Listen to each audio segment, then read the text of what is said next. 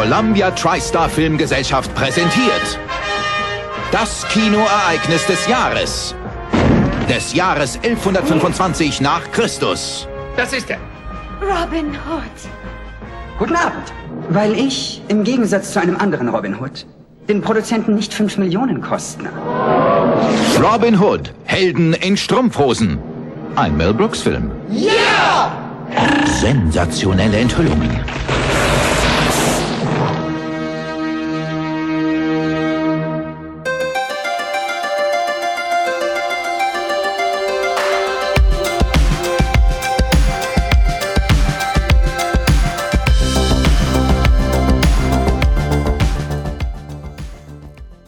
I sidste uge, der havde vi her i Noget ved Musikken en special om Absolute Music 4. Mm. Og øh, Absolute Music 4 var jo det bedst sælgende album i Danmark i 1993. Og øh, i denne her uge, der kunne vi faktisk godt tænke os at lave sådan en lille companion episode. Altså et afsnit, som på en eller anden måde hænger sammen med Absolute Music 4. Og så er jeg jo så privilegeret, at jeg her i studiet med mig i dag har professor emeritus og vores helt egen tysk ekspert Andy Tennant. Bravo, sagt de. Ja, for det, det er nemlig for første gang, Andy, i mere end et år blevet tid til, at vi to igen kaster os over et Bravo-blad. Ja. Og vi, det er mig, Kim Pedersen. Und ich bin Andy Tennant. Ja, og Andy, det virker helt vildt, men øh, et helt år er der gået siden øh, sidste Bravo-blad, og jeg tror faktisk nærmest, vi har lovet det det meste af 2023, men nu vi. sker det. har nu vi. kommer det altså. Og, og altså, øh, det er faktisk dejligt at være tilbage, og jeg synes, det her det er et rigtig godt årstal, vi tager fat i i dag. Jamen, det er det. Det er det virkelig. Fuldstændig, og jeg vil jo altså sige det sådan, vi har jo valgt årstallet 1993, ja. som altså så ligger i forlængelse af Absolute Music 4, mm. men vi har altså også valgt et Bravo-blad fra den 18. november 1993. Ja. Og det betyder til dem af jer, som øh, måske lige øh, skal lave lidt matematik op i hovedet eller et eller andet, at vi jo nærmest er på årsdatoen, altså 30-årsdagen ja, ja, for det her ja, blad. Jamen, det er vi. Og øh, Andy, hvis du sådan kigger, fordi vi skal selvfølgelig snakke om bladet, vi skal bladre igennem bladet, og vi skal snakke lidt om nogle af de ting, der er i bladet. Hvis du sådan bare lige tager forsiden her, nu har jeg jo den fysiske udgave, som I kan høre her, Ja. og Andy, du sidder med en digital. Jeg sidder altid med en digital. Du sidder altid med en digital. sådan er det. Sådan er det, ja. Men øh, det er også mest, fordi vi kun har et eksemplar. jo, altså, det vi er kan jo ikke begge to sidde med ikke- Nej, jeg kunne selvfølgelig have haft... Du går også punget ud. Ja, ja, men jeg havde jo også Bravo-bladene. Jeg Ved du, hvad jeg har givet for det her blad, Andy? Fordi det er ikke et, jeg har beholdt fra Nej. 1993, Nej, det det vil jeg lige sige. Nej, jeg har været ude og købe det her ja, efterfølgende. jeg har altså fået smidt mig. Jeg kan huske, at jeg faktisk havde det her blad. Ja, jeg købte det sidste år, Ja, som, som jeg husker det. Nej, på Nej, eBay. nej. Ja, ja, okay. Ja, ja. Den blå. Den, den internationale eBay, ja. Den blå. Ja, som om de har store Bravo-kollektioner til salg. Det er sikkert for- folk i Hø- Hørsholm eller sådan noget, der har beholdt dem. Ja, det kan godt være. Ja. Ja. Øhm, ah, hvad har du givet? Svaren til en 75 kroner? Ja, 250 kroner egentlig. Du godeste gud. Ja, 250 kroner koster sådan et, et, et flot, men det er jo så altså også velholdt, og det er med plakater og så videre her. Ja, ja, så, det er jo ikke lige Hvad jeg ikke gør for den her podcast, Ja. rent økonomisk også i Ja, jo, jo, ja. Der, der er vi jo begge Nå. to meget store. Ja, det er så, hvad det er. det. Skal vi ikke snakke skal vi om. ikke. Vi skal i gang egentlig, fordi ja. vi skal nemlig snakke om det her vidunderlige Bravoblad. Og hvis du nu skal så kigge, nu holder jeg lige forsiden op for dig. Du har den selvfølgelig også digitalt, men det- nu kan du se den her. Mm-hmm. Ja, ja, ja. Den er, det, På en skala fra 1 til 10, hvis du bare lige sådan hurtigt skal sige, hvis du var gået forbi en bladkiosk Ja, i 1993, Mm. november måned, vil du så have revet det her ned af hylden med det samme? det tror jeg faktisk. Ja. Det er pigerne. Ja, det er pigerne, og det er jo fordi, vi har fem frække mænd på forsiden. Ja, det må man nok sige. Ja. Altså, jeg vil sige, det look, som Rob Williams han sætter op her. Og jo, men det er jo både Det er jo øh, vildt. fuldstændig, Altså, han, der, der, der kan de andre ikke være med. Prøv at se Mark Owen ude for siden. Det, han, han prøver sådan. han kommer lidt ind fra siden og prøver lidt, ja, ja. Men det er rigtigt, det er en meget øh, sexstemt Robbie Williams, der sidder ja, herude på forsiden af et eller andet sted. Og, og så er den her kolde november, og så se det her farverige blad.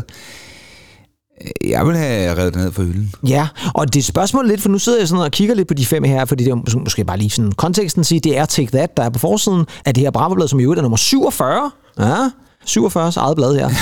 og, og, og det er altså med Robbie blandt andet i sådan en lidt... Øh, men han ser sådan... Hvor gammel er han på det her tidspunkt han, han æder jo Han æder, han æder kameralinsen og læseren ikke mindst der. Ja, altså øjnene. Altså, de er han jo- stadigvæk de- teenager på det her tidspunkt? Fordi han var jo teenager, da de startede. Mhm, Ja, kan jeg ikke huske, hvornår Robbie Williams er født. Nej, fordi så nej, havde det jo selvfølgelig hjulpet lidt på det. Så kunne vi bare lave simpel matematik. Men han kan ikke være meget over 20, tror jeg. nej, det, det, det kan han ikke. Nej. Han var også den yngste i bandet, ikke? Ja, det var han. Ja.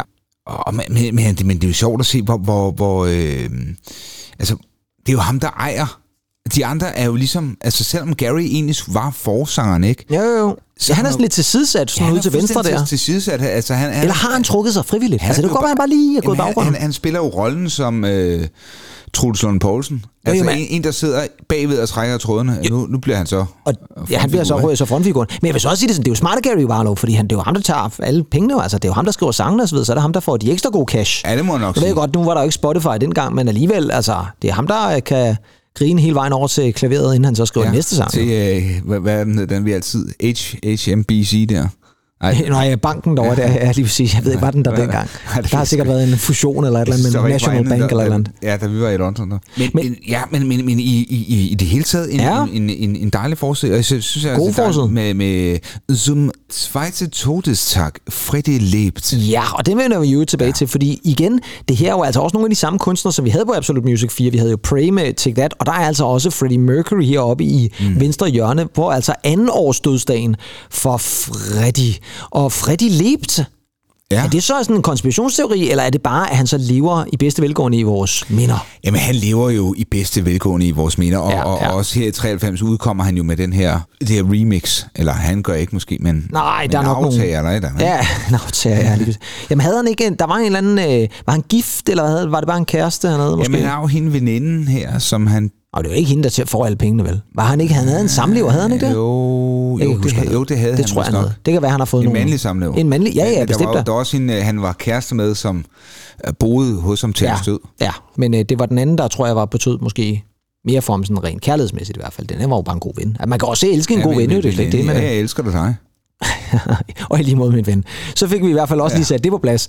Og nedenunder så har vi altså kæmpe plakater med øh, Bon Jovi og De Prinsen. Kan, Ja. du, kan du huske De Prinsen? Ja, har altid set det navn, men jeg har sgu Ja. aldrig rigtig hørt den. Nej, de er, ser også Eller sådan lidt, jeg? lidt sjov ud der. Nej, jeg kan heller ikke Jo, lide det har jeg sgu nok. Ja, det har du nok, men jeg kan ikke lige nynne noget af dem, vil jeg så sige. Nej. Og så har vi altså også øh, fire poster med River Phoenix, For Non Blondes. Så er der en, der hedder A. Elsholz. Ham har jeg aldrig nogensinde i hele mit liv hørt om. Han ligner lidt sådan en blanding af...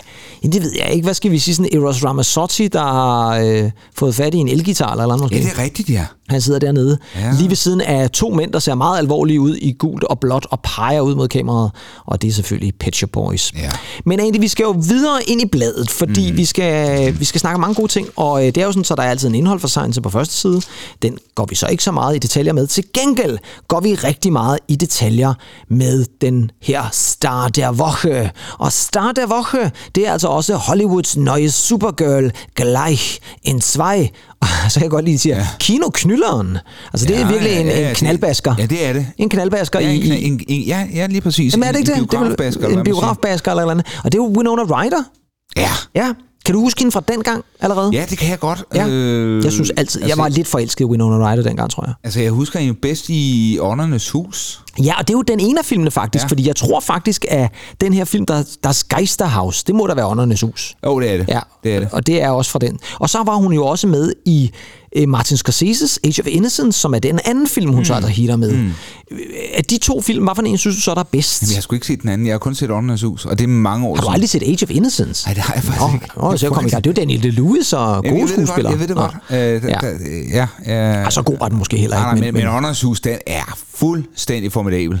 Ja, der er Næsten jeg... lige så god som øh, Borgen med Blæsten. Nå, jeg var lige ved at Og Bodyguard. Selvfølgelig. gud, ja, det var det, jeg var bange for, du skulle til at sige. den, den er god. Jeg har aldrig er haft det virkelig stær- god. store forhold til Åndernes Hus, indrømme. Ja, altså, jeg elsker. Så måske den er lidt overvurderet. Ej, nu må du holde op. Bill August er aldrig... Han er altid god. Han er aldrig overvurderet. Nej, det er han fandme ikke. Ah, Altså, ja. ja. Nej, det, vi bliver aldrig enige Nej, film. det, nej, nej, i hvert fald ikke lige her i den her periode, nej, vil jeg så gør- sige. det gør Der kan godt være nogle andre film. Det er sådan, at vi kan meget godt lide Kindergarten Cop. Den har vi også snakket om før. Den tænkte jeg øvede på den anden dag. Gjorde du det? Ja. Jamen, den er også lige et par år før. Men om ikke andet i hvert fald, Winona Ryder, altså sådan en superstjerne her fra øh, Hollywood. Datede hun stadigvæk Johnny Depp på det her tidspunkt? Gjorde hun det? Ja, det gjorde hun. Hun har i hvert fald datet ham på et tidspunkt. Men der var der ikke også noget med ham, den anden frække fyr i klassen? Øh, Ikke Rob, Rob, Robert Downey Jr.? Jo, er, er de noget jo kørende? måske har de også haft et eller andet Og- kørende. og så Måske Rob, huske- og Rob Lowe måske i virkeligheden også, ja. Ja, og så kan jeg huske, øh, at hun var, var der ikke noget med, at hun blev taget for noget rapserier eller sådan noget. Jo, hun blev taget for shoplifting øh, Ja, over ja, ja. i Los Angeles et eller andet sted. Jo, men det var først mange år senere. Men det er Ja, ja, nok, det begyndte, ja. hendes karriere begyndte jo at gå lidt ned ad bakke, og så blev hun taget for shoplifting, og så gik det helt galt. Inspireret af dronning Inge. In- Inspireret dronning Ingrid i virkeligheden. Men tror du i virkeligheden, at at Winona Ryder, hun er jo kommet lidt op i alderen. Tror du, hun kan spille dronning Ingrid i en film, der handlede om hendes liv? kunne man da godt forestille Ja, sig. om shoplifting Om, shop, om shop, hvor de kun fokuserer på shoplifting. Ja. Ja. For en der kleptomanien eller sådan noget. Kleptomanen kunne man kalde den, ikke? Nu er der lige kommet ja. den der bastarden, så kunne det være fortsættelsen af kleptomanen, der det handler om, om de tilbøjelighederne der, ja.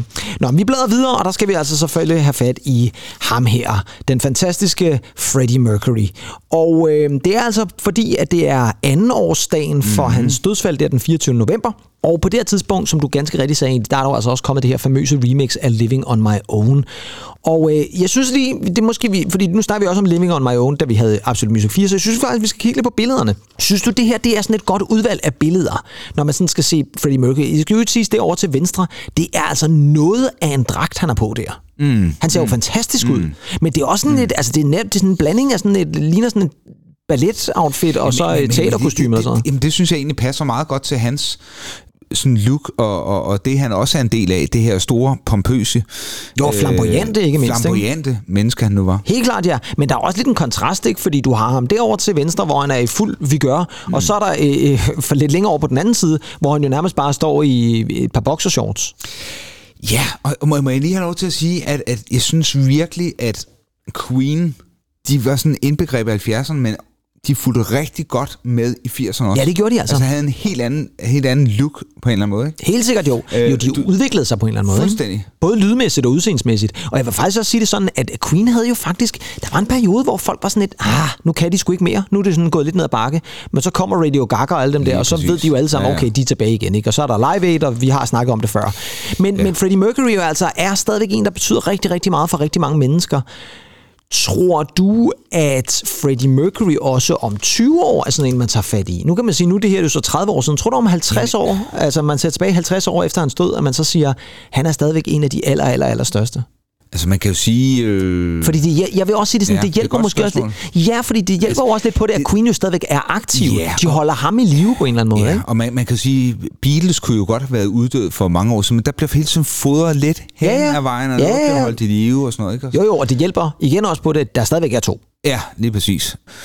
Altså, jeg hører sgu mange unge mennesker stadig snakke om Freddie Mercury. Ja, men det er enig. Fuldstændig Altså, enig. de, de ved godt, hvem han var. Øh, men det er klart, som, som det er med, med, med produkter, så skal de jo holde i live på en eller anden måde. Mm-hmm. Via noget reklame eller whatever. Ja, ja, ja. Så altså, hvis de ikke spiller, og der ikke bliver sendt ud fra pladeskaberne, hvordan fanden skal nye lyttere så komme til? Ikke? Ja, det er rigtigt, ja. Det, det kan være svært, men Ja. øh, jo, må ikke. De har jo snakket om, at de vil lave en Bohemian Rhapsody 2, hvilket mm. jeg vidderligt ikke håber, de gør, men hvor de jo så fokuserer på hans...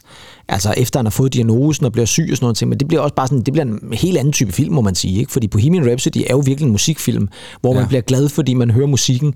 Her der bliver det også, så bliver det meget trist og tungt. Men det kan jo selvfølgelig også noget, ikke? Det er jo sådan nærmest Queen-version af Control, måske vi er ude i der. Ja, ja, men ja, lige præcis. Ja, og det kan jo også noget, kan man sige. Ja, det, ved, ved du hvad, det, det, det tror jeg faktisk. Ja. Det kunne egentlig være, jeg synes, det kunne være meget Det spændende. kunne være interessant. Og spørgsmålet er, om de skulle prøve en anden skuespiller så. Altså ikke fordi Rami Malek var dårlig, han var fremragende, men det kunne være lidt interessant at sige, ja. Ja. skal vi så have en anden skuespiller ind, som kan spille ham i, sådan, i den her afkræftede version? Det tror jeg faktisk også, han vil være Ja, det vil han nok. Det vil han nok, ja. sindssygt god til. Ja.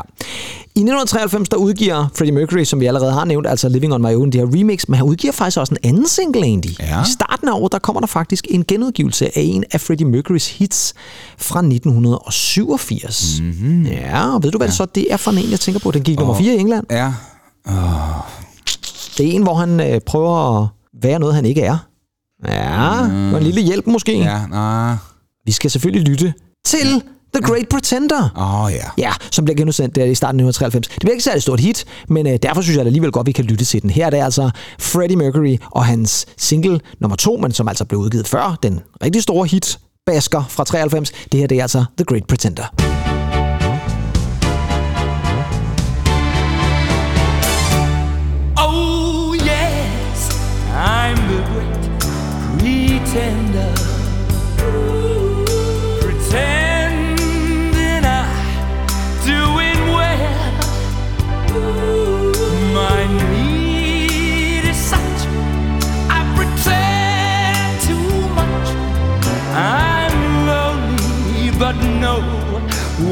One can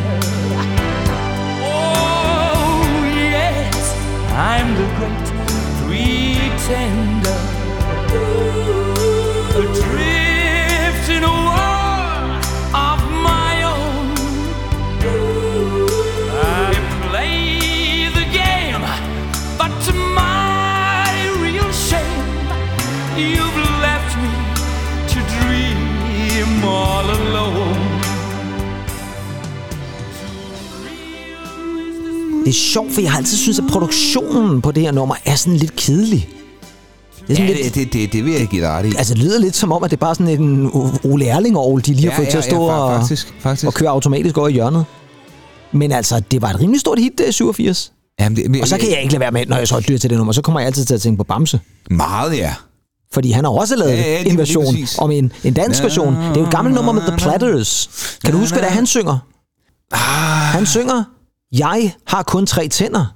De andre nå, nå, nå, nå, ja, nå, har knudet, slået ud. Nå, ja, Bamse, ja. Ja, ja, Bamse. Jeg troede, du mente ham for uh, Platters der. Nå, The Platters, nej, de, de synger The Great Presenter. Ja, ja, det mener jeg ja, ja, der er teksten ikke lavet om, hvis jeg siger. Det, kunne ellers være fantastisk, hvis den har sådan gennemgået ændringer hver gang. Ja, lige Ny tekst hver gang.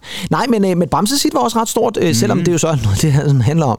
Sådan, et Faktisk bar- en god film også. Ja, den er, den er faktisk rigtig god, ja. ja. Der kan vi godt blive Der enige. kan vi godt blive enige. Jamen, den er heller ikke fra 93, jo, så. Så, så, så, så, så kan vi godt være på samme niveau et eller andet sted. Oh, Nå, ja. vi skal til noget andet, som var stort hit i 93, og det var så ikke en film, men en tv-serie egentlig. Ja. Og du har jo snakket om det før. Mm. Fordi at du så det jo kun for de flotte billeder ud over stranden og vandet ja, og, og surfboardene, og for intet andet, tror jeg, det var det, du sagde. Og David. Hasselhoff. Og David Hasselhoff og hans flotte, øh, lidt, sådan let behåret bryst der. Ja, jeg var meget interesseret i hans problematiske forhold øh, til sønnen. I, ja, i tv-serien. Ja, ja, ja det var, ikke- det, var det, der interesserede. Ah, Var det det? Nej, det var det var ikke. kun det, der interesserede dig, det virkelig? var selvfølgelig ja. lige Ah, sommer, og hvad var det, hun hed? sommer? Jamen, hed hun ikke det i serien? Nå, det kan godt være. Ja, det, prøv gang, jeg må ærlig om, jeg har faktisk ikke set særlig meget Baywatch, så jeg kan faktisk ikke huske, hvad de hed. Andet, jeg kan huske, at han hed Mitch Buchanan selvfølgelig, øh, men, men jeg kan Ja. ikke huske, hvad de andre hed. Men øh, jo, Pamela er med her, og øh, Nicole Eggert hedder hun, ja, ja. Hende der skuespilleren, ja, som ja. også blev så. Jeg tror, hende der Eliniak, hun var gået ud på det her tidspunkt. ja, ja, hende med lavkagen. Hende, hende med lavkagen, ja, som ja. så i øvrigt i Baywatch, men i Capping på Åben Hav, ja, Ja, som også er en glimrende Ja, film. ja. Men den er heller ikke fra 93, så det er godt. Øh, men øh, vi har altså at gøre med Baywatch, der simpelthen optager scener i en geisterhotel. Om det så er åndernes hus, de har måske Det lavet en aftale med Det Billy August med der, eller, eller andet. Irons der, Ja. ikke? Kunne du forestille dig, at Billy August lavede et afsnit af Baywatch? Det ville være noget lidt andet. Det vil være fuldstændig... Øh, det vil være stort drama. Det ville være stort drama ja. Ja. et eller andet sted, og så sikkert, om der ikke var et eller andet sted, hvor at, øh, der skal være et eller andet med... Jamen, Jamen, jeg har det ikke så godt. Eller et eller andet. i Den stil, jeg ved ikke, det er et citat fra en dårlig Billy August-film. I, eller I sådan noget. don't feel well. I don't feel well, ja. Men øh, Baywatch, Andy, du så det måske af mange forskellige årsager, men var det noget, du fulgte med i? Ja, altså... Ikke som jeg fulgte med i Beverly Hills. Nej, det gjorde jeg nemlig. Det, det, lige præcis, jeg er glad for, at du siger det. Men hvis selvfølgelig, hvem de var, havde jeg ikke en nøglering med Pamela Anderson på. Det tror jeg faktisk, jeg havde. Det var ikke en af de der frække, hvor man vendte om og så røg tøjet af. Jo. Var det det? Ja. Ej, de var meget populære dengang. Hvad der ja. blev der egentlig af dem? dem, kunne, vi- dem kunne man godt genføre. Nej, det er jo nye tider, ikke? Ja, det er en ny tid. Ja, Men altså, det, dengang var det meget sjovt. Og, Ja. øh, Og vende den om, om man så må ja, sige. tak. Øh, og, og, og så florerede den jo ordentligt i der. Ej, Det var så før. tror jeg ikke, vi skal snakke mere om det. men, men jeg, så, jeg Okay. så i hvert fald øh, serien en gang imellem på TV3. Og Pedersen er... Han er, han er Jeg færdig. får nogle grimme billeder, ja. Det vil sige, jeg skulle lige øh, grine af her. Øh, Ja, men, øh, men, men var det, altså igen, hvis den stod mellem Beverly Hills og Baywatch, så valgte man Så Hills. jeg uh, Beverly Hills. Det Ja, helt klart, ja. 100%. ja. Hvor, hvor blev, dem du viste på TV2, gjorde den, ikke? Som jeg husker det. Jo. Jo, jo. Det tror jeg, den var. Og, og Baywatch TV3. Nej, hvad- jeg mener Baywatch. Nå, okay, jeg mener faktisk, Ba- at blev Baywatch Bay- var, mener, Var det på Baywatch TV3? var TV3. Og så kom den før. Jamen, det kan godt Ja, være, du har ret. fordi uh, Beverly Hills, det var, det var TV2. Jamen, det kan jeg også godt huske, men jeg troede ja. Ja. faktisk, at Baywatch også var derovre.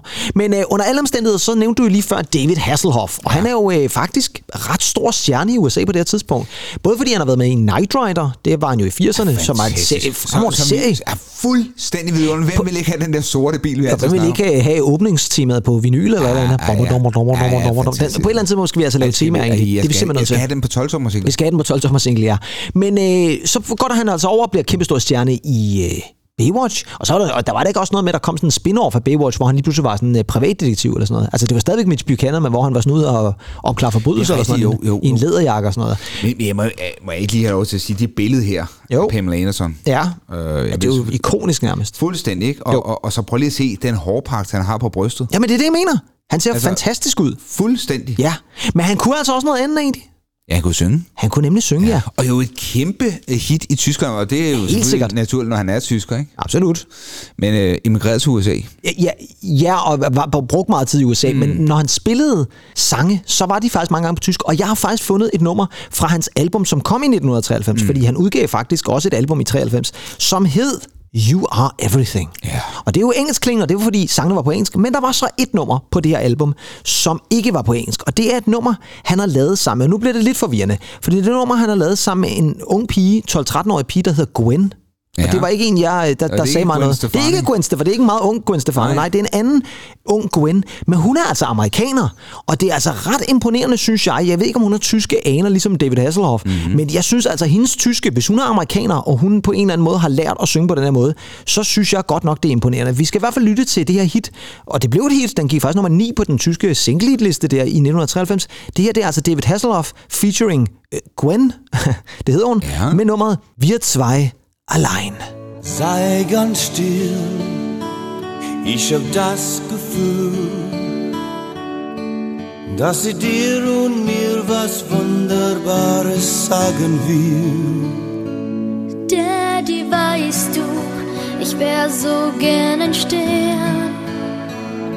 So wie Mami, so unerreichbar fern. Wir zwei allein heute Nacht.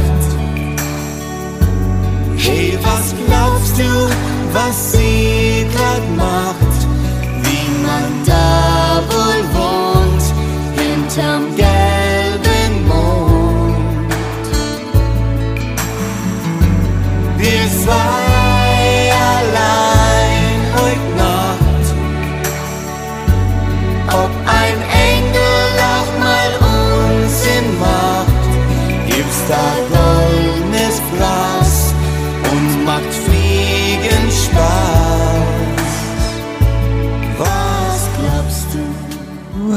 Was du? Ja, Ah, det er jo du? smukt, ikke?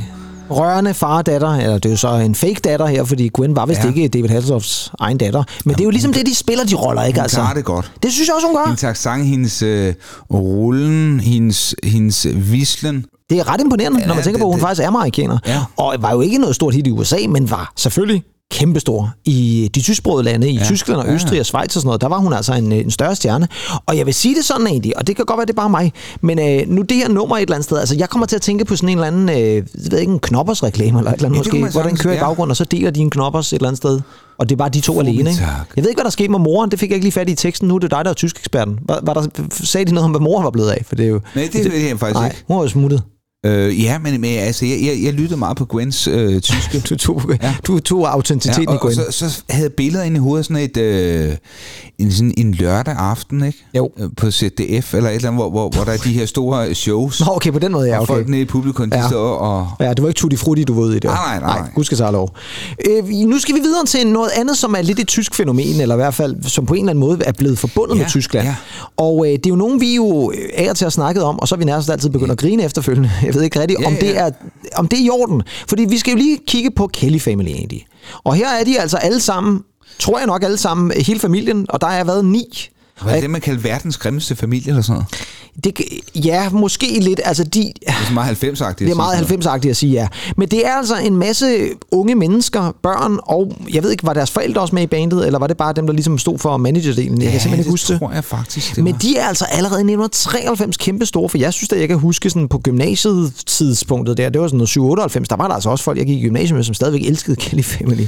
I must be an angel. Nå ja, det er rigtigt, det var sådan noget, Ja. Ja. jeg. Jeg må ærligt indrømme, det har aldrig nogensinde sagt mig noget. Hvad med dig egentlig? Nej. Har du været på Kelly Family? Nej, det har jeg faktisk ikke men jeg kan godt huske øh, folk, der var fuldstændig besatte af dem. Ja, for det var sådan en kæmpe fanskar og sådan noget der jo. Altså puder, Ja, ja. plakater, Trøjer, alt det trøjer, der, Alt, ja. alt, alt fuld, fuldstændig vanvittigt, ikke? Jamen altså, jeg vil sige det sådan, at jeg var måske mere fascineret af det der med, at de var så populære, fordi jeg synes ikke rigtigt, jeg kunne se, hvad det var, der var i dem og alle indrømme det. Det var sådan lidt folky.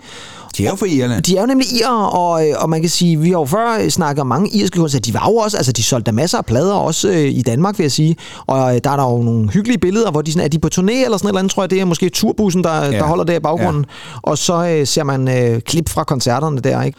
Og øh, der er også et billede, hvor de spiser noget pizza eller et eller andet, tror jeg, det er. Er det pizza? Jamen, det var da Angelo og, og Patty, som ja. jeg husker som de helt store stjerner, ikke? Var det det? Ja. Angelo, det er ikke særlig irsk, er det det? Meget irsk. Meget irsk. An- Angelo Logan. Angelo Logan er lige præcis, ja. Klassisk irsk navn, Angelo, det er. Nå, vi, øh, vi slutter med Angelo, og så skynder vi os videre til nogle mennesker, som vi holder rigtig, rigtig meget af, og som vi allerede har snakket om mm. ude på forsiden, men som vi jo ikke ser ude på forsiden egentlig. Så lægger de jo fokus på især en af medlemmerne, og det er altså ikke Robbie Williams Nej. denne gang. Der er det ham, der prøver at komme ind ude fra højre af, Ja. ja. nemlig Mark Owen. Lige præcis. Og øh, jeg skal da love for, at øh, nu har han fået sin, egen, øh, sin eget portræt her, så er... Han flytter sgu da også med læseren her, hva'? Ja, det, det, Hold da fast, mand. Han, han spiller jo rollen som den her uskyldige dreng, ikke? Jo. Men spørgsmålet er, hvor, Hvor uskyldig hvor, han hvor var. uskyldig han egentlig var. Ja, præcis, Det ikke? kom til stykket, ikke? Når det kom til stykket, så var Mark Owen måske ikke så uskyldig. Men der står i hvert fald som overskrift, Mark is das Babe, das alle lieben. Ja. Og det tror jeg faktisk er rigtigt. Jeg synes, jeg havde lidt på fornemmelsen, at Mark Owen, han var nok den... Ja, der var også mange, der godt kunne lide Robbie Williams, men han var virkelig den, som jeg tror fik mest. Var det ikke der, ham, som var den største favorit? Jeg, jeg tror, altså, de havde jo ligesom nogle øh, aldersgrupperinger, de her Ja. ja. fans her. Jo. Dem, der var lidt af, det var til Rob Williams. Min søster, Ja.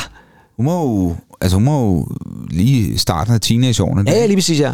Og hun var altså fuldstændig besat af Mark Owen. Jamen, det er det. Og det kan også være, at det er jo lidt det der med... tiltræk de, de er lidt yngre. Ja, og så Mark, eller Gary Barlow, han tog så bedstemor og, med, med slag i måske der et eller andet sted. Ja. ja. Og hvad med Howard? og Howard, ja, det ved jeg ikke, hvad Howard Hvor- han, hvor- hvor- hvor han han, han har overhovedet fået nogen. Han har ikke anet, hvad han lavede. Han har anet, hvad han lavede. Måske var han god til at danse. Det har vi faktisk ikke snakket det, om. det, det var han faktisk. Han, Var det? Ja. Jeg mener, det er sådan, så at Jason og Howard faktisk er eminente dansere. Ja, men det var der også, altså det var meget mere normalt dengang, ja. Ja. jo man havde de der Ja. ja. bands, hvor der var nogle, altså vi kan også bare sige Happy Mondays, ikke? Hvad, hvad, hvad lavede bedst på den scene et eller andet sted, udover at stå og hygge med maracas der, ikke? Altså, ja, han, han, han, han dansede jo også han bare et eller andet sted. Eller Keith Flint for den sags skyld The Prodigy. Til at starte med var han jo også bare danser, Ja, er inden han så begyndte ja. at, at, at Ja. synge også. Ikke? Så, så det var måske mere normalt den her gang, men i hvert fald så er der fokus på Mark Owen.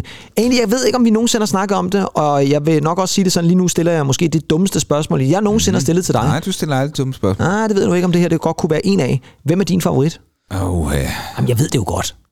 jeg, må, jeg må sige Gary. Ja, selvfølgelig. Ja. Han er jo sangskriveren. Ja. Det er ham med klaveret. Ja, det har man klaveret. Ja. Og så havde jeg også lidt ondt af Gary. Nu, nu glæder jeg mig til at få set uh, dokumentaren om Roy Williams. Tror du, at Gary Barlow øh, bliver... Ja, han bliver jo nok nævnt og vist der, der, der, billeder er sådan et andet fotoshoot, man, man kan se fra mig. Han ser meget øh, skuffet ud og lige ved at bryde sammen. Nå, Gary Barlow simpelthen. Ja. Nå, det er. Ja, det glæder jeg til at se. Den, Ja. Det kunne være, at vi på et eller andet tidspunkt måske skulle snakke om den film. Ja, det eller tv-serien, ja, når vi har set skal- den. Hvor mange afsnit er der? Det har jeg slet ikke fået set op på. 3-4 stykker eller sådan ja, sådan noget lignende. Ja. Men vi skal nemlig lytte til noget Take That nu. Og jeg har selvfølgelig fundet det nummer frem, som vi jo snakkede om i sidste udsendelse, da vi havde Absolute Music 4, for vi selvfølgelig vil vi gerne spille Take That igen, for vi kan godt lide dem. Mm-hmm. Og nu skal vi simpelthen have titelnummeret fra deres fantastiske album, der hedder Everything Changes. Og det vil sige, at vi skal lytte til ikke Mark Owen, men Robbie Williams Ja. i forgrunden på Everything. Jeg har selvfølgelig taget det. Jeg har taget det med Uh. egentlig. Bare. Det kommer nu.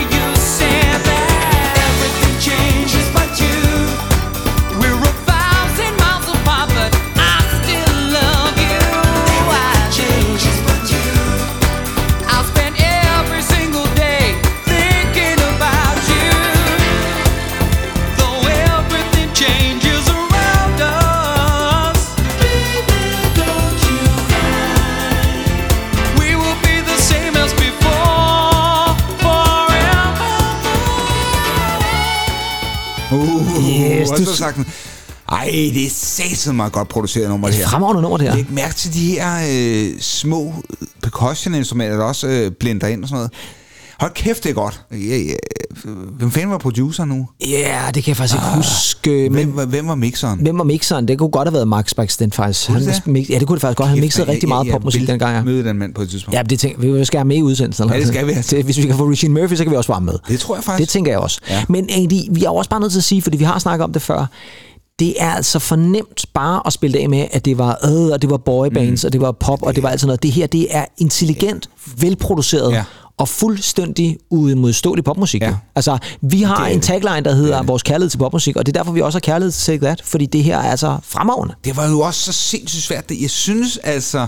Ja, det her er jo ikke nemt. Det er jo altså ikke nemt at lave det. Man sætter sig ikke bare ned og laver det her musik. Ej, nej, det gør man sætte mig ikke. Prøv at høre også de akkordprogressioner Jamen, det er her. det. Det er Gary, der sidder og Det laver er det Gary, her. der sidder der, og så kan det godt være, at han er lidt skuffet over et, fotoshoot, men altså, en god popsang, det kan han altså skrive. Ja, det kan han. Den, og, og, jeg synes altså også, der var respekt omkring Take That. Jamen, det var der. Ikke så med, Nej. "Øh, det er bare uh, dumme Take That og sådan Men der, de, men der var nogen, der så sådan lidt rynket lidt på næsen, når man sagde Take That, eller sådan noget. ikke? Mm. Jo, jo, ja. men, men, men, men øh, slet ikke i... Øh, altså, det kunne have været meget værre. Jo, ja, jo, jo, ja, det vil jeg nok sige, fordi der, vi har da haft masser af boybands, hvor, hvor det var ligegyldigt, men det her, Ja. det var ikke ligegyldigt. Det var det den mig ikke. Det synes jeg heller ikke, nej. På det Spørgsmålet her er... tidspunkt, der har de jo øh, ikke fat i amerikanerne. Det Nej, men det, får, nej, men det får de ikke rigtigt jo. Gør de ikke det? Nej, det gør de altså ikke. Altså, Men gør tænk- de ikke det med Back for Good? Jo, de er måske lige Østkysten. inde... Jo, ja, og, og, og, og de er også på charten, men det bliver jo aldrig noget stort. Og det sjove er jo, at Robbie Williams blev jo ved og ved og ved. Det er lidt det samme med Oasis. Oasis fik jo heller aldrig fat i det amerikanske publikum, så Nu, de de der... der... spiller i USA, men, men det er jo ikke... Nej, nej, altså, Det er jo ikke folk kan, nej, nej, og det er jo det, jeg mener et eller andet sted. Altså, nogle af de her store britiske kunstnere, som slog igennem der i 90'erne,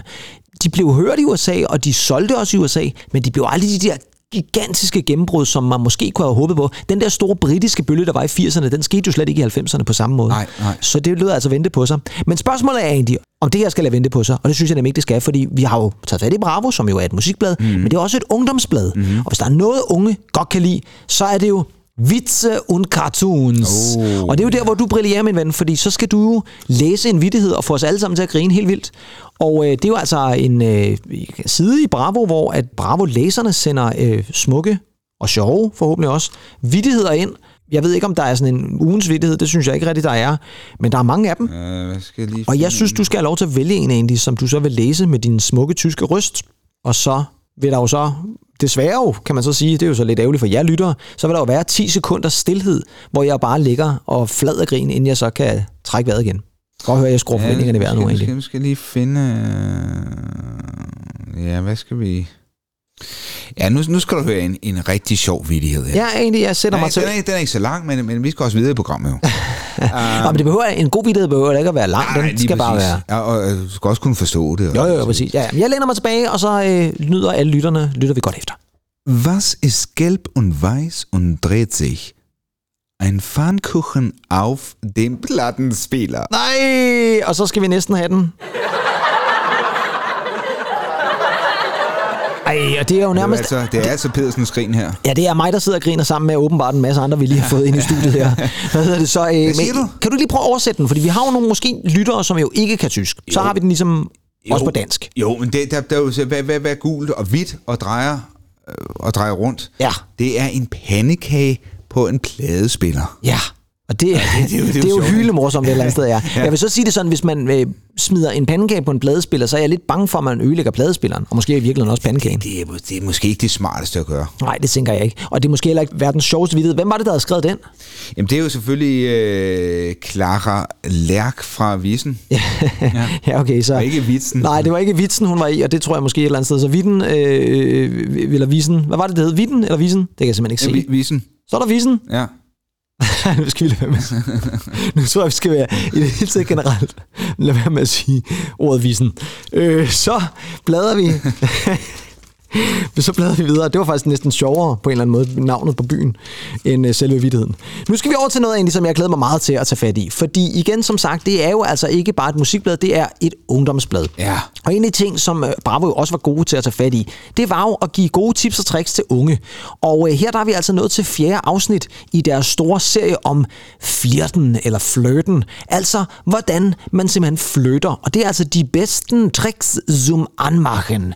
Og øh, nu vil jeg jo ikke gå sådan meget i detaljer, men jeg tænker lidt, når man sådan kigger ind over det, så er der for eksempel mm. et trick, der hedder det er tempotrik, og det er altså åbenbart et trick, der går ud på, at man skal være sådan meget hurtig til at, øh, at ligesom fløte på en eller anden måde. Der er også den her, som jeg synes er ret interessant, der hedder Schwestern-trick, uh, og det er altså ja. noget med, at man ligesom skal prøve at, øh, at få en anden en til at spille ens søster, Ja. og så på den måde kan man komme i snak med nogen. Det ved jeg så ikke rigtigt, om det holder. Jeg ved ikke, har, har din øh, søster nogensinde ageret wingman for dig? Det har min søster vi ved Gud i himlen der ikke i hvert fald. Nej, altså spillet mig, eller hvad tænker du? Nej, nej, nej, været med Nej, til at hjælpe win- dig til at ja. score øh, en, en anden. Nej, det, det tror jeg faktisk ikke. Nej, Nej, det tror jeg det- altså er heller ikke, jeg Heller, heller, heller ikke i Casa Penthouse-dagene der. Nej, det er rent nok. Nej, der var, nej det, det tror jeg Åh, bestemt ikke, nej.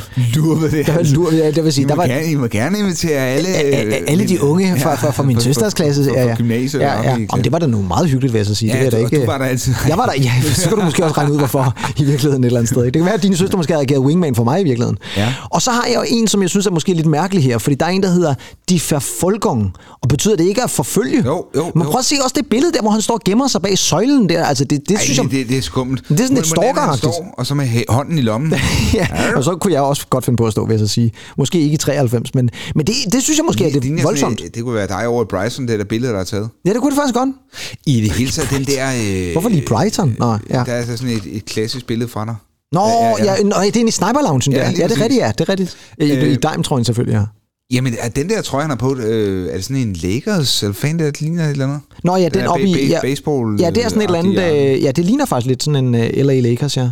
Nå, men det er bare for at sige, at Bravo altså også sørger for, at de unge får nogle gode råd, når de skal ud og flytte. Ja. Og Andy, nu skal vi til noget, jeg også har set frem til, for nu skal vi nemlig have en lille quiz. Uh. Yes, og det er altså ikke vores musikquiz med jingle og Nej, alt muligt nej, andet. Den her, den tager vi uden jingle. Og det er Okay. fordi, vi er kommet om til den her anden side, som vi ikke har haft med før, tror jeg, i vores gennemgang af Bravo, nemlig Bravo Spil und Spaß. Og det er både der, hvor der er computerspiletest, og det er der ingen nogen grund til at bruge tid på, fordi du spillede jo ikke computerspil Ikke dengang. Uh, NBA All-Star. Ja, men den, den kan jeg huske fra arcade-maskinerne, ja, og for, for dig var du virkelig ringe til det. Men Ja. øh, det, vi skal have fat i egentlig, det er den her såkaldte Billy Joel-quiz, Ja. som er herovre på øh, venstre side. Åh, og ja. det er meget en simpel Hold quiz. Ja, for der er det. står simpelthen 10 sange, Ja. og så skal man sige ja eller nej, eller måske ja eller nej, mm, til om det er en Billy Joel-quiz. Skal jeg køre den igennem en gang, og så kan du svare undervejs egentlig. Vi tager den først. Uptown Girl. Billy Idol. Ja. Ikke Billy Idol, Billy Joel Nej, egentlig. Billy- okay. Okay. Billy Eilish, ja. ja. Nå, vi, Ja. han har ikke lavet Uptown Girl i hvert fald. Nej, Billy nej, Joel nej. har i hvert fald. Nå, vi tager altså nummer to. The River of Dreams. Ja. Pretty Woman. Nein. My Life. Uh, could also be... Det er Sten Sobi, Ja, tror det jeg. er Sten. Ja. Ja. Nej, det var My Love. Nå, ja, det var rigtigt, ja. Øhm, ja. Ja, hvad med Far Far Away? Nein. Nej. The Longest Time? Nein. Jo. Jo. For the longest time. Alright. Det er også et Joel nummer. Syv. Niels Sieben. An Innocent Man. Äh, ein unschuldig Mann. Ja. Ja, det har han lige præcis, ja. Ja. More Than I Can Say. Nein. Nej. Tell Her About It. Ja. Ja, Tell Her About About It. it. Og til sidst. We Didn't Start the Fire. Ja. Ja, så jeg tror altså, der var seks af de her 10 sange, som altså er Billy Joel sange. Men egentlig, nu får du lov til at få en præmie. Jeg har faktisk en favorit af alle de her numre. Og det er jeg glad for, du siger, fordi jeg jeg, ved jeg synes, vi skal en. spille... Ja, det har jeg også. Og jeg tror også, jeg ved, hvad din favorit er. Men vi får lov til at spille en af dem, og jeg synes, du skal have lov til at vælge. Ja, vi skal høre River of Dreams. Det skal vi da. Fra 93. Fra 93, her kommer den altså. The River of Dreams med Billy Joel. In the middle of the night, I go walking in my sleep through the jungle of doubt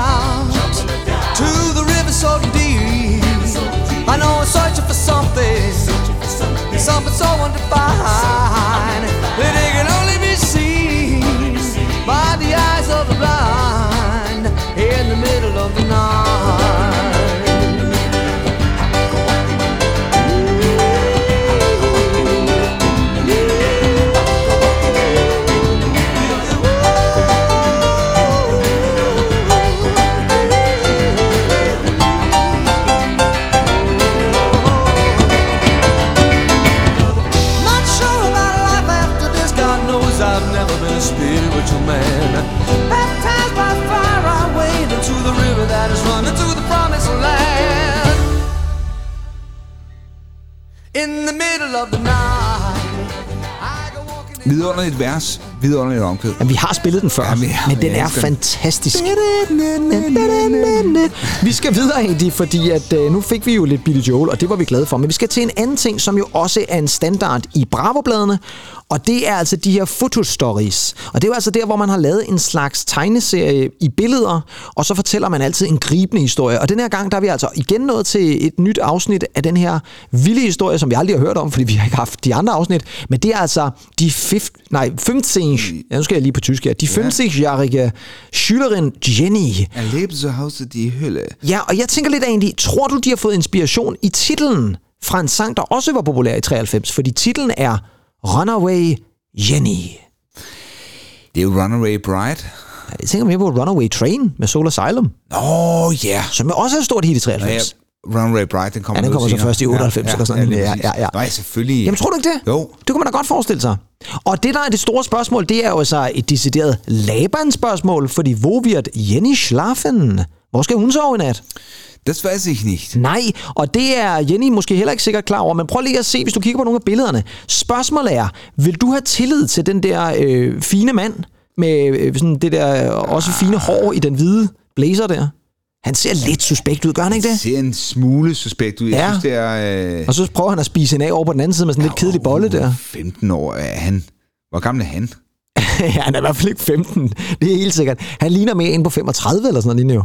Ja, det synes jeg altså også. Ja, Jamen, han vil gerne have en Campari. han, ja det vil han gerne, ja. For mich nur einen Campari. Ja, og hun får så noget, der måske ikke er alkohol i. Jeg kan faktisk øh, allerede nu reveale, Andy, og det er ikke for at spoil noget til vores lyttere, som har lyst til at finde ud af, hvordan den her gribende historie den ender, men hun ender faktisk med at overnatte hjemme hos ham her, den suspekte 35-årige mand. Og øh, prøv at se her, nu får du lige et billede af den sidste, den har du ikke selv her. Prøv at se, hvad han laver, mens hun ligger og sover hernede i hjørnet. Han gennemruder hendes taske. Ej.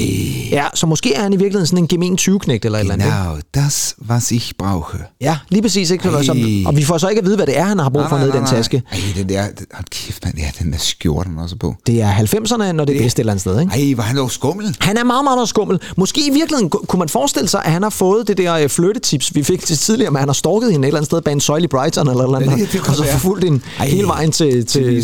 Düsseldorf eller eller andet, hvor det her foregår. Ja, det er i hvert fald bare for at sige, at Bravo Love Story, Foto Love Story, er jo altid en, øh, en populær ting, og øh, et eller andet sted jo også en, ja, synes jeg, øh, spændende historie, de har fået fat i her, og den bliver altså afsluttet i det næste blad, som I så desværre ikke får med. Så skal vi have fat i øh, noget andet, fordi vi har jo øh, valgt at tage lidt mere fat i nogle af de her forskellige skuespilsting, der er på spil i det her blad. Fordi i 93, der udkommer der også en film, som øh, jeg har taget med, fordi det har vi faktisk aldrig haft med i Bravo-afsnit. Det er der, hvor at man faktisk i Bravo nærmest fortæller hele filmen i billeder. Og jeg ved ikke, om du kan huske det, men ja. det er sådan en fotoroman, og så skulle man have alle billederne, og så kørte du den kronologisk, og så fik du faktisk spoilet hele filmen, hvis du læste, hvad der stod. Og jeg har valgt denne her, Robin Hood, hæld dem en strumfhosen, som må vel eller være strømpebukser. Ja, og Kan- jeg tror, den hed øh, Heldige Underhylder. Det gjorde den nemlig ja. Ja. på dansk, og så på, dan, eller på engelsk, der hed den så Men in Tights, tror jeg. Ja. I, I stedet for Prince of Thieves. Og det er jo øh, den her øh, famøse film med øh, Carrie Elves, som spiller Robin Hood. Og øh, det er jo en Mel Brooks-film. Ja. Kan du huske den film? Jamen, 100 procent. Jeg var inde og se den. Ja, du, du var simpelthen i biografen Ja, og se den? jeg var så, jeg Hold mener, da jeg var fast. sammen med min... Kunne det passe, det var med min fætter? Nå, jeg tydeligt ja. huske den Ja, der. ja. Jeg ham den blinde der på, på, på, på lokummet der. Ja, det er rigtigt, ja. Det, men han er også han kommer ud i nogle meget mærkelige seancer ja. Der. Jeg vil sige det sådan, den er... øh, den er- Ja, kyskhedsbæltet fra hende der, Marion der. Ja. Jeg synes, den, den var virkelig, virkelig morsom. Jeg genså den for ikke så lang tid siden, og jeg må da ærligt indrømme, at jeg stadigvæk grinede et par gange. Der var også nogle steder, hvor jeg tænker, ah, det bliver måske lige for langt ude. Der er på et tidspunkt, hvor han performer foran sine øh, brave mænd derude i, ude i skoven, og der, det må jeg indrømme, der døde jeg lidt af grin også igen. Men, øh, men en film, er, er, er det sådan en, øh, en komedieklassiker fra 90'erne? Altså, det, det er lidt det er sjovt, fordi det. når man, når man kigger på billederne, så går der også sådan lidt Life of Brian i den, synes jeg nogle steder. Øh, Ja, øh, På en måde, ikke? Ja, hvis vi ser sådan billede 4, det er, jamen egentlig også bare billede 1. Ja, lidt måske, ikke? Ja. Men, øh, men er det det? Synes du virkelig, det er en, at, Ja, skal den jeg helt synes, derop? Jeg synes, det var, jeg synes, det var mega sjov. Ja. Jeg elsker også Mel Brooks' film. Han er også fantastisk. Det er han. Ja. Altså, han har jo lavet, ja, hvad var det, den hed? Jeg kan ikke huske nu. Men de der to kravkører, øh, der, der er oppe og slås mod hinanden, så, Nå, så ja. sådan et par dinosaurer Ja, det er rigtigt, ja. fra afstand. Ja. Jeg kan ikke huske den. Nej, jeg kan heller ikke lige huske, hvad det er for en, han gør det i. Men han laver mange gode, Ja, det øh, også på det her tidspunkt. Men det her er måske så virkelig også den sidste rigtig gode, ja, Ja, fordi så er kommer det der vel lidt nogle kedelige, for der kommer også en eller anden Drago-film med Leslie Nielsen, som jeg synes var ret tåbelig. Ja, ja. Men, øh, men øh, Silent Movie for eksempel, det er jo Ja, en fantastisk ja, film. et sted. Ja. Vi skal tilbage til musikken egentlig. Nu har vi snakket masser af tv, vi har snakket masser af film, og nu skal vi have fat i Beatbox. Beatbox. Beatbox. Som er et øh, Bravo-segment, hvor de sætter fokus på rap og hiphop og techno. Og jeg synes faktisk, at det er nogle rigtig fede ting, de har fået fat i her. Vi har Ice MC helt ude til Mhm. mm. venstre, som jo... Det er jo inden han sådan slår rigtig igennem med uh, It's a Rainy Day og alle de der mm. ting og sager. Så er der Robin S., vores kære veninde, ja. Ja. som står og giver den gas. Vi har DJ Jazzy Jeff and the Fresh Prince. Will Smith og Jeff Towns, som jo øh, var kæmpestore også. Boom, Shake the Room blev udsendt Boom, lige. boom, den, er også, ja. ja. den er også lige for det her tidspunkt fra 93. Så har vi jo selvfølgelig vores kære venner op til højre. Øh, Stakker på. Øh, Raga aus Schweden. Og de ser fremragende Johan Rink, og så ham der, som altså hedder Oscar Fransen. Nej, det er jo Oscar Fransen. Ja, som er ko- koreograf, står der bare. Han sang der også. Han var da ikke kun koreograf, var han det? Det står der bare heroppe. Ej, det- det- Johan Rink und koreograf Det var sgu da ham, der havde det der vanvittige gode Ja, ja, det var det der. Ja, lige præcis, det var det der. Ja. Ja. Nå. Ja, du kan høre. Ja, det, det er godt, vi ikke er Stakker på Ja, her et ja, eller andet sted. Ja, stakker noget ved musikken der. Men øh, vi skal ikke snakke om Stakker på, og vi skal ikke snakke om Robin S. Vi skal snakke om det lille billede, der er oppe under news-segmentet egentlig. Fordi det er faktisk nogen, vi har snakket forbløffende mm. lidt om. Det er nemlig en gruppe, som jeg virkelig, virkelig var rigtig glad for i 90'erne. Nemlig M-People. Nå, var du det? Ja, det var jeg. Ja, ja, ja. Det var virkelig et band, jeg tog rigtig meget til mig. Og det var et band, der startede der i 90'erne, som øh, var dannet af Mike Pickering, som jo kom fra en tid på Factory Records. Ja. Han var øh, fast DJ på The Hacienda, og det kan man jo et eller andet sted også godt fornemme, når man lytter til musikken. Mm. Fordi den oser af den her klassiske, dansable 90'er ja, lyd, som jo et eller andet sted også sprang ud af Hacienda. Og M'et i M-People, det er aldrig blevet sådan helt bekræftet, hvad det står for, men det kunne blandt andet stå for Manchester, Ja. men det kunne altså også, som der står her i artiklen, stå for Mad, Marvelous eller Melodious. Mm. Og jeg synes, at når man lytter til deres helt store gennembrudshit, så synes jeg altså også, der er noget melodiøst over det. Og det var jo et kæmpestort hit i 1993 egentlig. Og det er selvfølgelig det nummer, der hedder One Night in Heaven. While people create problems, lying, and vain. Come lay with me in my bed and wash away the pain. Take me on a journey, let the pleasure start. Take me on a journey that leads straight to your heart. Just one look, I can see in your face, yeah. You're my love satellite. In orbit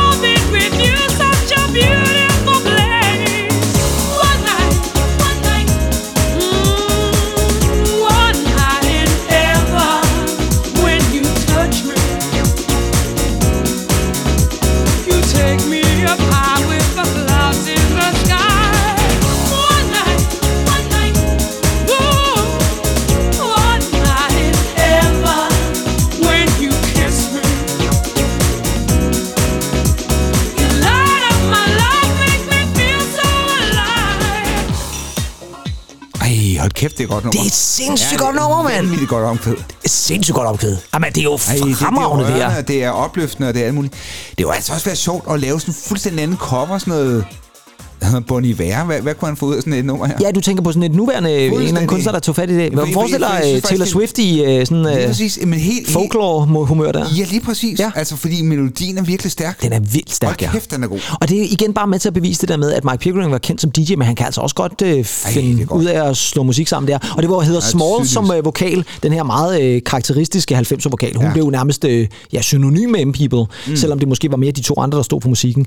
De udsendte jo deres øh, andet album, var det? Det var ikke deres debutalbum, det var deres andet album, Elegant Slumming i 1993. Ja. Og det var altså et kæmpe, kæmpe stort hit, der øh, solgte rigtig, rigtig meget. Og så vandt det rent faktisk Mercury-prisen for Alright. årets bedste album. Altså i England, den her store engelske mm-hmm. musikpris. Så det er altså bare for at sige, det behøver altså ikke at være sådan noget totalt indie-syret noget. Det her, det var altså et, øh, et album, som virkelig tog, tog med storm, og også i Tyskland selvfølgelig. Og egentlig så er vi nået til, øh, ja, Platten News. Vi skal ja. over til vores anmeldelser, og vi er jo gået væk fra det der symptom med, at man kun skulle give tre stjerner, og alle fik tre stjerner. Nu er man begyndt at kaste om sig med både en stjerne og fem stjerner. Mm-hmm. Og øh, hvis vi kigger på de her anmeldelser, nu skal jeg lige have fundet de rigtige anmeldelser, fordi jeg har faktisk to af dem her, så jeg skal lige have fat i den rigtige. Der har vi jo altså nogle store maxi-CD'er, eller maxi-singler. Blandt andet så får Phil Collins med Both Sides of the Story, det er altså maxien, det er ikke albummet, som får fem stjerner. Ja. Ja, det tænker jeg vel. Fortjent. Fortjent, det er et fremragende nummer. Der er også Ace of Base, The Sign, mm-hmm. den får fire stjerner. Mm-hmm. Ja, så kan jeg måske være mere tvivlsom over for, hvorfor Guns N' Roses Ain't It Fun skal have fem stjerner også.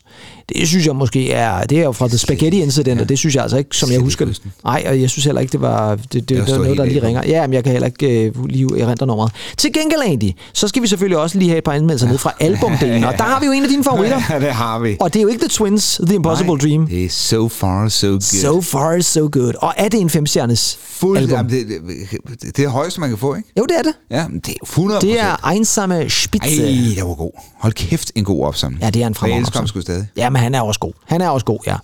Øhm, så øh, gode anmeldelser, det synes jeg da helt klart, vi, vi kan skrive under på. Og så kommer vi over til en anden ting, som jeg også elsker ved Bravo, og som de jo har stjålet fra Smash Hits, nemlig sangtekster. Ja, ej, den, og ved du hvad, jeg, jeg nønnede helt præcis den her den anden dag.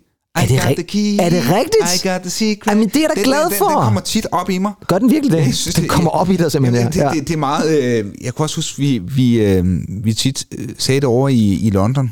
Ja, I ja, got det the gør... key, I got the secret. Ja, ja, lige, jamen det er rigtigt. Jeg tror faktisk, det blev sådan en saying et eller andet sted. Ikke? Hvem var det lige, der havde taget noget? I got the key, I got the secret. Og det var altså det her mærkelige Urban Cookie Collective, som var en mand ved navn Ja. Rohan Heath, som jo var noget så sjældent som et britisk Eurodance-band. De fleste Ja. Eurodance-band er jo fra Tyskland og Holland, og Ja, Belgien ja, har vi efterhånden ja. fået etableret, eller Italien.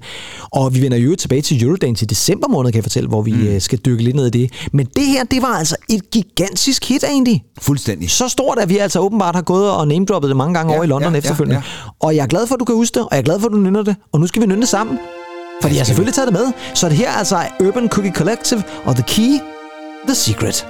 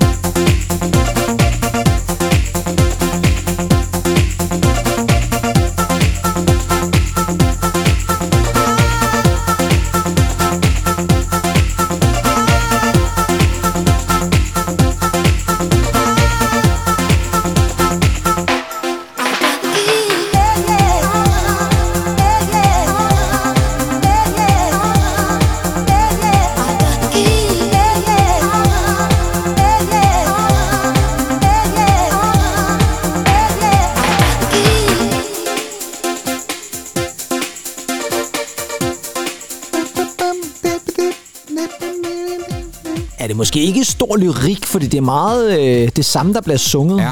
I've got the key, I've got the secret. Jeg synes også, jeg kunne huske nogle andre mix. Jamen det er det, er det oprindelige mix. Ja, ja, det- det er det helt rigtig gode 100%, gamle single mix, ja. huske. Men der har sikkert været masser af andre mix. Ja. Men øh, jeg synes også, det er værd at Skidegodt. at... Ja, det er Det er så god Ja, Prøv at det er, altså jeg tror... Jamen altså, du siger øh, ikke god lyrik og sådan noget. Jeg tror faktisk, H.C. Andersen ville have... Han ville godt have kunne være med på den her. Ja. Ja. Spørgsmålet om så Han- han, har taget den tyske version, der Schlüssel, das Geheimnis, for det der har også Ja, lidt, øh, også- lidt klang over sig på en eller anden måde. Jeg vil- habe den Schlüssel.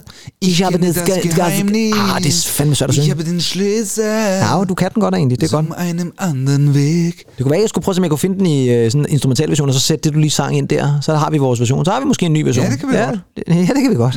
Jamen, så, ja, så, kan vi, så kan vi udgive den på Spotify, og så, så bliver det et hit. Jeg vil i øvrigt lige sige, at jeg har altid synes, at det K, hun udtaler, I've got the key, at det er sådan det mest dogne K, man overhovedet kan er udtale. meget, meget doven K. Nogle gange kan man nærmest være svært at høre, hun overhovedet siger Ja. K'et.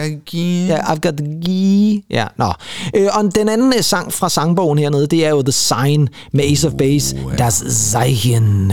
Og der er altså noget lidt andet lyrik dernede, men det er altså også et godt nummer, må vi sige. Fuldstændig, og der har du Ulf, for du har... Vi har Ulf, vi har dem alle sammen. Hvad er vi i øvrigt, er, han har gang i? Han, Men jeg tror, han takker for det råd, han fik af Erik Mønster. det er måske det, han gør. Det kan godt være, det er det, han gør det noget, ja. Nå, Andy, vi skal have fat i min yndlingstid i hele bladet, Ja. og det er jo selvfølgelig hitparaden. Og der har vi jo Meatloaf, der øh, står øh, og ser øh, skjorteklar ud derovre til venstre. Vi har en meget glad David Hasselhoff med sin Ja, ja, guitar, som har nummeret Dance. Dance. Ja, det er det. Dance Dance Samor, som er gået ind som nummer 26 på Bravo chartsitsene. Og øh, jeg synes jo, det er værd at lægge mærke til. Nu snakker vi jo om, at det er jo lidt i forlængelse af Absolute Music 4-afsnittet. Mm. Og går man over og kigger på det Deutsche Bestseller, som altså er single charten i Tyskland. Nummer 4, det er Four Non Blondes, What's Up. Nummer 3, det er Freddie Mercury, Living on My Own. Nummer 2, det er Meatloaf med I'd Do Anything for Love. Og nummer 1, det er Pet Boys med Go West. Og Ja. alle fire er jo på Absolute Music. Ja, ja der Fire. kan bare se. Ja, ja, ja lige Altså det er, det er de store hits, vi har gang i. Og øh, så bliver det jo ikke værre, når vi kigger på albumcharten, fordi der ligger Meatloaf sjovt nok også nummer to med Bad Out of. Hell. To, men han er overgået Ja.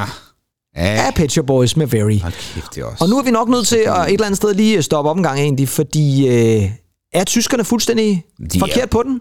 Nej, det er de ikke. Nej. Hvorfor er de ikke det? Fordi at, at, at, at Very, det er et fuldstændig vidunderligt album. Ja. Men det er det. det, det, det, det jamen, der er ikke meget at komme det efter. Er, det, det, det er det bare, og Ja. ja. det er, de er jo, de følger virkelig med tiden på Ja, det her tidspunkt. ja, det gør de virkelig, Og de indkapsler jo 90'erne på bedste vis i meget intelligent pop. Ja, det må man sige, det er. Og det er jo altså det her famøse album, hvor der er sådan en Lego-klods-farvet ja. øh, orange boks, som man ligesom sætter den ind i. Og det var også derfor, at når man kom ned i pladebutikken, det var umuligt ikke at se det album. fuldstændig. Bare, bare flere år efter, når ja. det sådan stod med, med kanten ud af i sådan en stor CD-hylde. Du kan altid se det, fordi det, er jo nærmest, det skinner jo nærmest orange. Det er Ja, en meget og- unik Jeg har faktisk lige boks. fundet, det ikke så lang tid jeg Nej. fandt det på, på CD. Nej, lige præcis. Øh, jeg kan godt huske, du sagde, du havde købt det. ja. ja og det er sådan en, en fin en at stående. Jeg vil jo også lige sige, at da Very udkom der tilbage i september måned 1993, fordi det fylder jo også 30 mm-hmm. Mhm. år, så øh, kom det jo i en anden version også, for det kom jo faktisk både i Very Very-albummet, og så kom det i en, der hed Very Relentless. Ja. som var sådan et ekstra dance-album nærmest, der var mm. tilkoblet, hvor der var seks meget elektroniske numre på. Og de har indtil nu aldrig nogensinde været genudgivet. Det vil Nej. altså sige, at man har aldrig kunne få dem, medmindre man købte dem dengang, eller kan finde dem brugt. Lige indtil i år, hvor Pet Boys så valgte at fejre 30-året for Very, ved så at genudgive Relentless som enkeltstående album. Ja. Og, øh, og det synes jeg faktisk er meget fint det er fundet på. Ja, og sådan, og så har de taget de der hoveder fra Go West og sat ud på albummet. Så hvis man er til et meget elektronisk Pet Boys, så kan man måske gå ud og erhverve sig det. Men jeg synes, vi skal lytte til et nummer fra Very-albummet, fordi vi har jo øh, spillet Go West i øh, Absolute Music 4-programmet. Nu synes jeg, vi skal lytte til en af albumtracksene. Og der igen, prøv at se, hvor galant og venlig jeg er i dag. Du får også lov til at vælge det nummer. Ej, er det rigtigt? Ja, det gør du. Ah, jamen, det, det, der er jo Fordi jeg ved, du godt kan lide VM. Jamen, Det gav jeg jo så i øvrigt også, men... Øh, Er du tosset? Ja, Ja. ja. Jo, jo. Det, Ja. ja. Du er en helt anden liga øh, Ja, det er på nok. det her område. Men, men øhm, jamen altså, man kunne også vælge To Speak As A Sin. ja, det kunne man også gøre. Det er et albumtrack i hvert fald. Jamen, skal vi ikke gøre det? Jo, lad os tage det. Det Ja. her, det er altså Pet Shop Boys. Helt low-key. To Speak Is A Sin, taget ja. Ja. fra superalbum, og det er album, der altså ligger nummer 1 i den her uge i Tyskland. Altså ikke denne her uge, men øh, for 30 år siden i Tyskland i 93. To Speak Is A Sin. We'll stand around forever, regardless of time or weather, ordering drinks at the bar. Looking for love and getting nothing that's worth regretting, but wondering so far. To speak is a sin. You look first,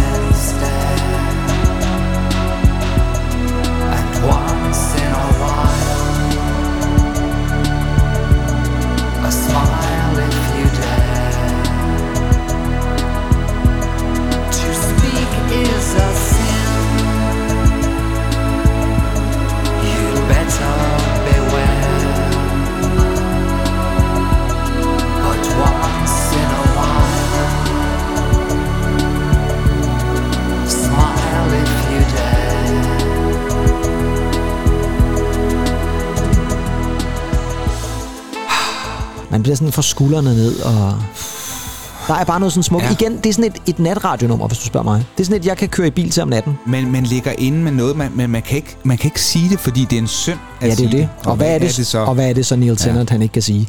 Det her, det er faktisk et af Shop Boys' aller, aller ældste numre.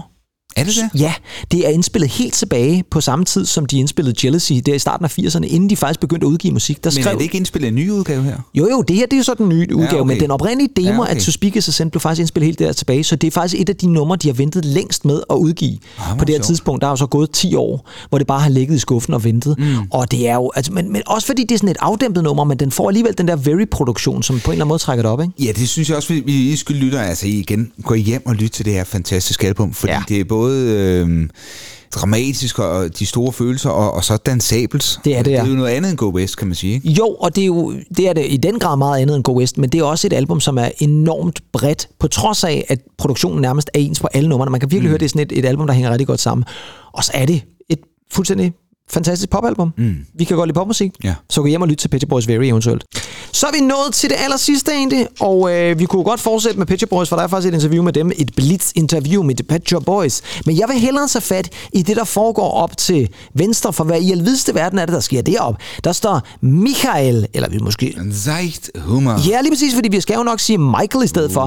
Det er simpelthen Michael Jackson, som allerede tilbage i 93 er begyndt med hans øh, små shows derude på balkonger rundt omkring i verden. Og her her der er han altså taget til Buenos Aires, og øh, der står han altså og gør forskellige ting. For eksempel holder han, han er jo iført sådan en fin lille coronamaske, kan jeg se. Han holder en øh, pude, altså en hovedpude eller eller andet op, hvor han skriver I love you, som han så i øvrigt holder på hovedet. Ja. Det er lidt fjollet måske. Men Det er derudover... humoristisk. Ja, det er selvfølgelig, men jeg tror mere, det er så er det andet, han holder op, fordi han holder også et tidsmagasin, der hedder Tidsskrift, ja. tidsskrift, der hedder Child op, og der er der både, man kan læse om Your Child's Anger, men man kan også få 46 Fun Baby Games. Ja. Ja, hvad tror du, øh, altså er det bare øh, Michael Jackson, der Jo, spøger skæmt? Ja, det, det, det, det tror jeg altså. Var det, ikke, var det ikke på det her tidspunkt, hvor han holder en, en baby ud af vinduet?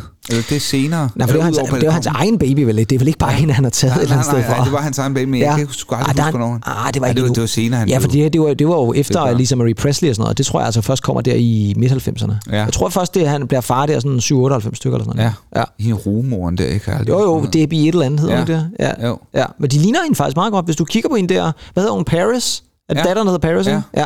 Hun ligner hende faktisk lidt, synes jeg. Ja. Altså moren. Ja. Altså, hun kan man godt se trækkene fra moren der eller andet sted, så der er i hvert fald ikke noget at komme efter. Og så kan man sige, så er der altså Star Talk med både Jenny Garth og Gigi Bobo, Mel Gibson og Slash. Mm. Og så er vi jo faktisk nået til enden. Men mindre du selvfølgelig lige vil gerne have med, at Ulf han også har fået nogle, nogle roser herop. Rosen for de fans. Men det er altså Uh, ja, ja. Ulf, der giver roser til fans, tror jeg. Åh, ja. Ja, det synes jeg da er meget pænt af ham. Andy, Ej, på en skala fra 1 til 10, bravo, hvor vigtigt var det som uh, ungdomsmagasin der tilbage i 90'erne? Uh, både for tyskere, men måske mest af alt for sådan nogle uh, danskere som os to. Jo, det, det, var, det var vigtigt, men, men, men de havde jo ikke indtaget mig på samme måde som Mix gjorde. Nej, Altså, det, det må jeg sige. Nej. Det må jeg sige. nej, i det danske publikum, tænker du? Ja, i det hele taget dansk publikum. Jeg, Ja. ja. jeg ved godt, det var, det var der og sådan noget, men... Ej, altså, altså mix, mi- mix var, var, var jeg mere til, Ja. kan man sige. Og Nå, men det var jeg også. Sådan, sådan var det jo ikke. Men, Jeg vil også sige det godt lide, lide, øh, historierne, de er med her. Jeg synes, Ja. de, de, øh, de havde nogle rigtig spændende øh, ting med Bravo, Jamen det synes jeg også, og jeg synes faktisk, der var, der var mange gode musikalske ting, og mm. der var også alle de der øh, mere livsstilsagtige ungdomsmagasins ting, som også var med. Ja. Og så vil jeg altså også lige sige, at det her er jo et blad, der kommer en gang om ugen. Mix kom jo sådan set kun en gang om måneden. Mm. Og det vil sige, hvis man skulle købe, nu står der prisen herude på, det tror jeg også, vi har snakket om før, der er den altså 13 hvad står der, 13,75 Ja. kostede Bravo altså dengang. Der kan du godt se på årsbasis, så begynder det altså lige pludselig at løbe godt deropad, hvor Mix jo kostede hvad, en 20 eller sådan Ja, noget, måske ja. et eller andet sted. Og det kom jo altså så kun 12 gange om året. Ja. Så, øh, så spørgsmålet var, man, havde man råd til at købe Bravo hver uge? Det tror jeg altså ikke, man ville have haft. Altså, der skulle tømmes nogle, øh, nogle flasker ned for, for flaskebåndet der i, i brusen, I ikke? den grad jo, og så var der måske også, øh, måtte man skrue ned på fredagslikken eller eller andet Ja, også. ikke? ja, ja. Det havde der ikke været råd til. Men egentlig et Bravo-blad i hvert fald, øh, som vi endelig har haft, øh, f- og lørdagslik måske også, ja, hvis man fik sådan noget, hvis man var så heldig. Fik du det derude i morgen, så fik du jeg også tror, lørdagslik? Jeg tror, fredagslik var først senere. Jeg tror, det var lørdagslik på det her tidspunkt. Var det det? Ja. det var, var, det ikke en fredags, det der Disney-show og sådan noget, det kørte om fredagen, så kørte man der Ja, er slik om fredagen. Må du holde. Det var noget frygteligt noget. Det er, du forvirrer vores lyttere lige nu, tror jeg. Jeg tror, det er godt, vi er færdige med at afstille lige nu. Og så tror jeg, at det er meget vigtigt at få sagt, at i næste uge, der vender vi igen tilbage med en special, der skal handle om en compilation. Her kommer, her kommer, her kommer, her kommer, her kommer. Fordi i næste uge, der skal vi hylde, at det er 40 år siden, at den første Now Compilation kom. For de fylder nemlig 40, og det gør de ved at udgive en masse vilde øh, compilations. Vi skal så kun kigge på en af dem, Andy, og der skal vi have fat i et årstal. 1990. Uh. Og den er god, det kan du godt glæde dig til. Men indtil da, læs nogle Bramo-blade, lyt til noget god musik, måske på tysk. Mit navn er Kim Pedersen, Und ich bin Andi Tennant og den her gang gjorde du det hurtigt, egentlig. Det var dejligt. Øh, hvad skal vi slutte af med? Vi skal slutte af med et godt nummer, synes jeg, fra 93. Øh, så skal vi høre... Må jeg ikke godt høre Relight My Fire? Med Take That? Ja. Jo, lad os give den hele Ja, nu- arm med Take vi- That. vi- vi holder så meget det. Lad os, og, og, ja, det gør vi, og, Og de den var også, forsider. jo, jo, den var også på hitlisten. Ikke? Jeg, Ja. jeg skal lige se, hvis jeg lige slår efter her en gang, så lå den nummer syv på øh, den her Bravo Charts, så det synes jeg et eller andet sted, det giver vi, øh, det giver vi et skud for. Vi slutter vi. med Take That og Relight My Fire, sammen med Lulu selvfølgelig også, Ja. og så lyttes vi ved igen i næste uge. Ha' det godt, hej hej. Tschüss.